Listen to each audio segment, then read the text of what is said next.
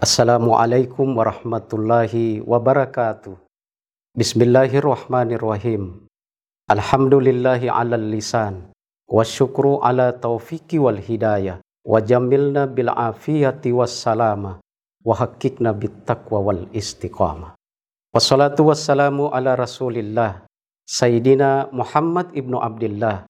Wa ala alihi wa sahbihi wa mawala amma ba'd. Marilah kita tidak henti-hentinya memanjatkan puji dan syukur kehadirat Allah Subhanahu wa taala.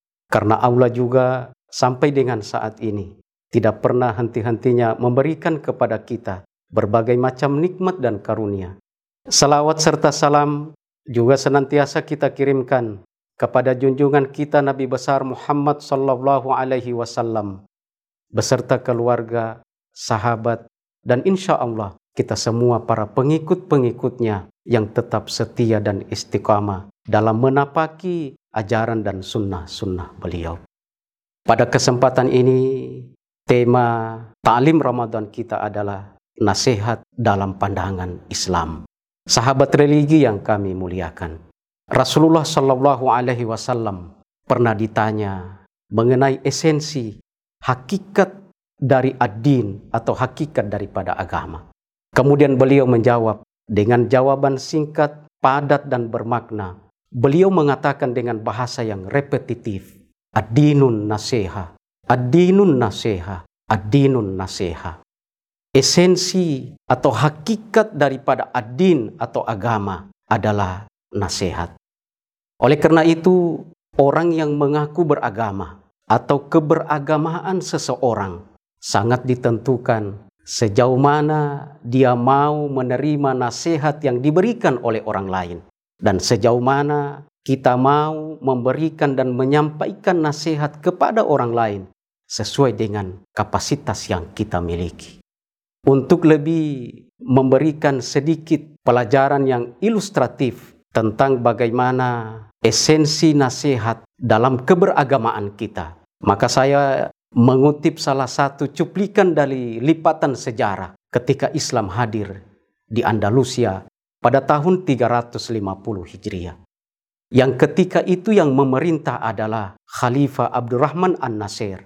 Dan dalam waktu bersamaan hidup seorang ulama besar yang bernama Munzir As-Said.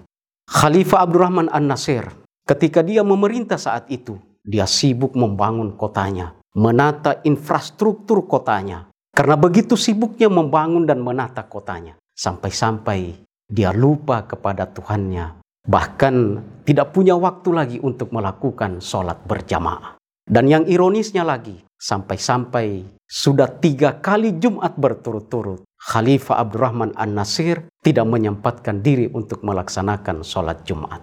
Dan pada waktu Jumat yang keempat, beliau menyempatkan hadir untuk melakukan sholat Jumat dan secara bersamaan yang menjadi khatib yang terjadwal untuk menyampaikan khutbah Jumat adalah ulama Munzir As-Said.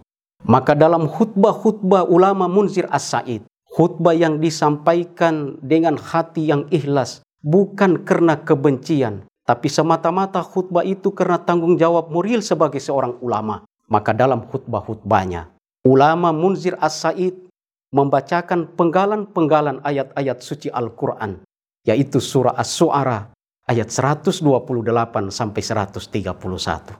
Atabanuna bikulli mri'in ayatan ta'bathun wa tattakhiduna masani ala allakum takhludun wa idza batastum batastum jabbarin fattakullah wa atiun.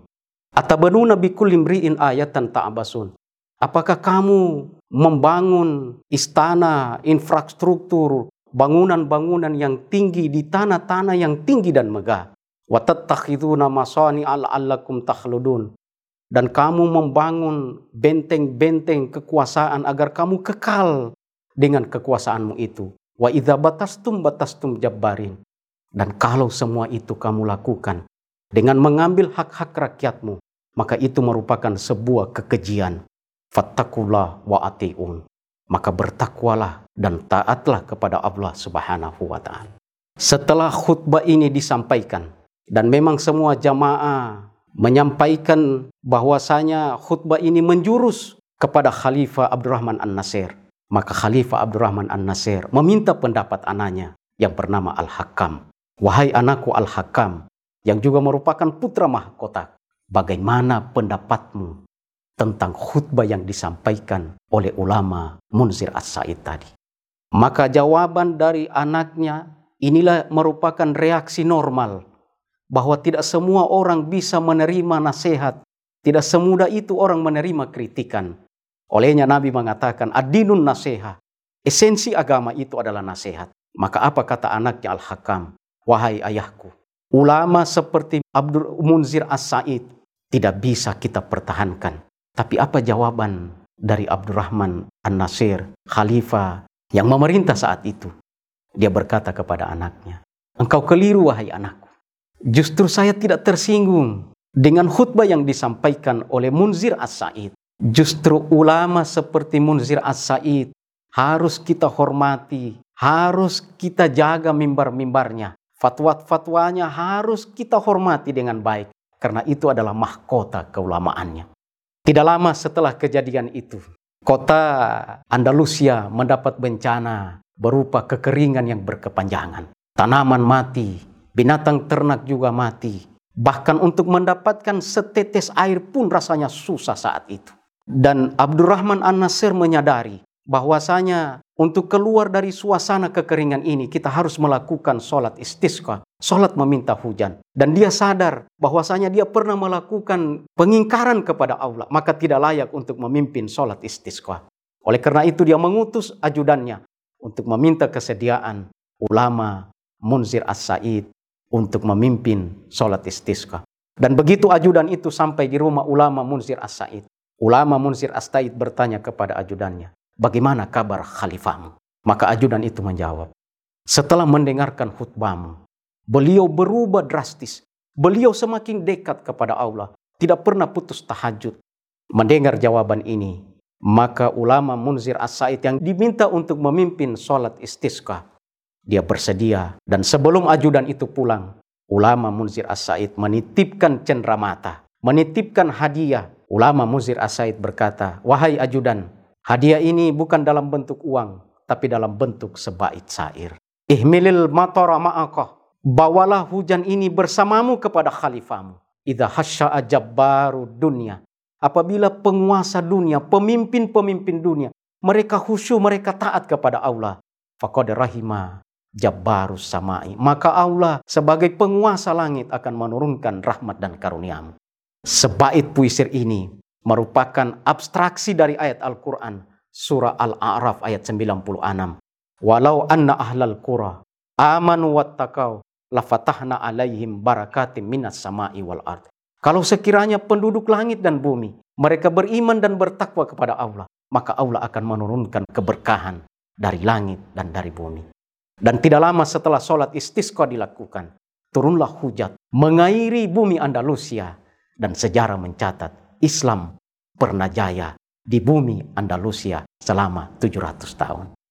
Kesimpulan dari kisah ini bahwasanya nasihat ini sangat penting sekali dan Allah sudah memberikan jaminan mereka yang tidak rugi dalam kehidupan ini adalah mereka yang mau saling memberikan nasihat. Kita bersedia menerima nasihat, kita pun harus bersedia untuk memberikan nasihat sesuai dengan kapasitas yang kita miliki. Sahabat religi yang dimuliakan Allah, ini yang dapat kami sampaikan pada kesempatan ini. Lebih dan kurangnya kami mohon maaf. Wallahu musta'an, wallahu muwafiq ila aqwamit thoriq. Wassalamualaikum warahmatullahi wabarakatuh.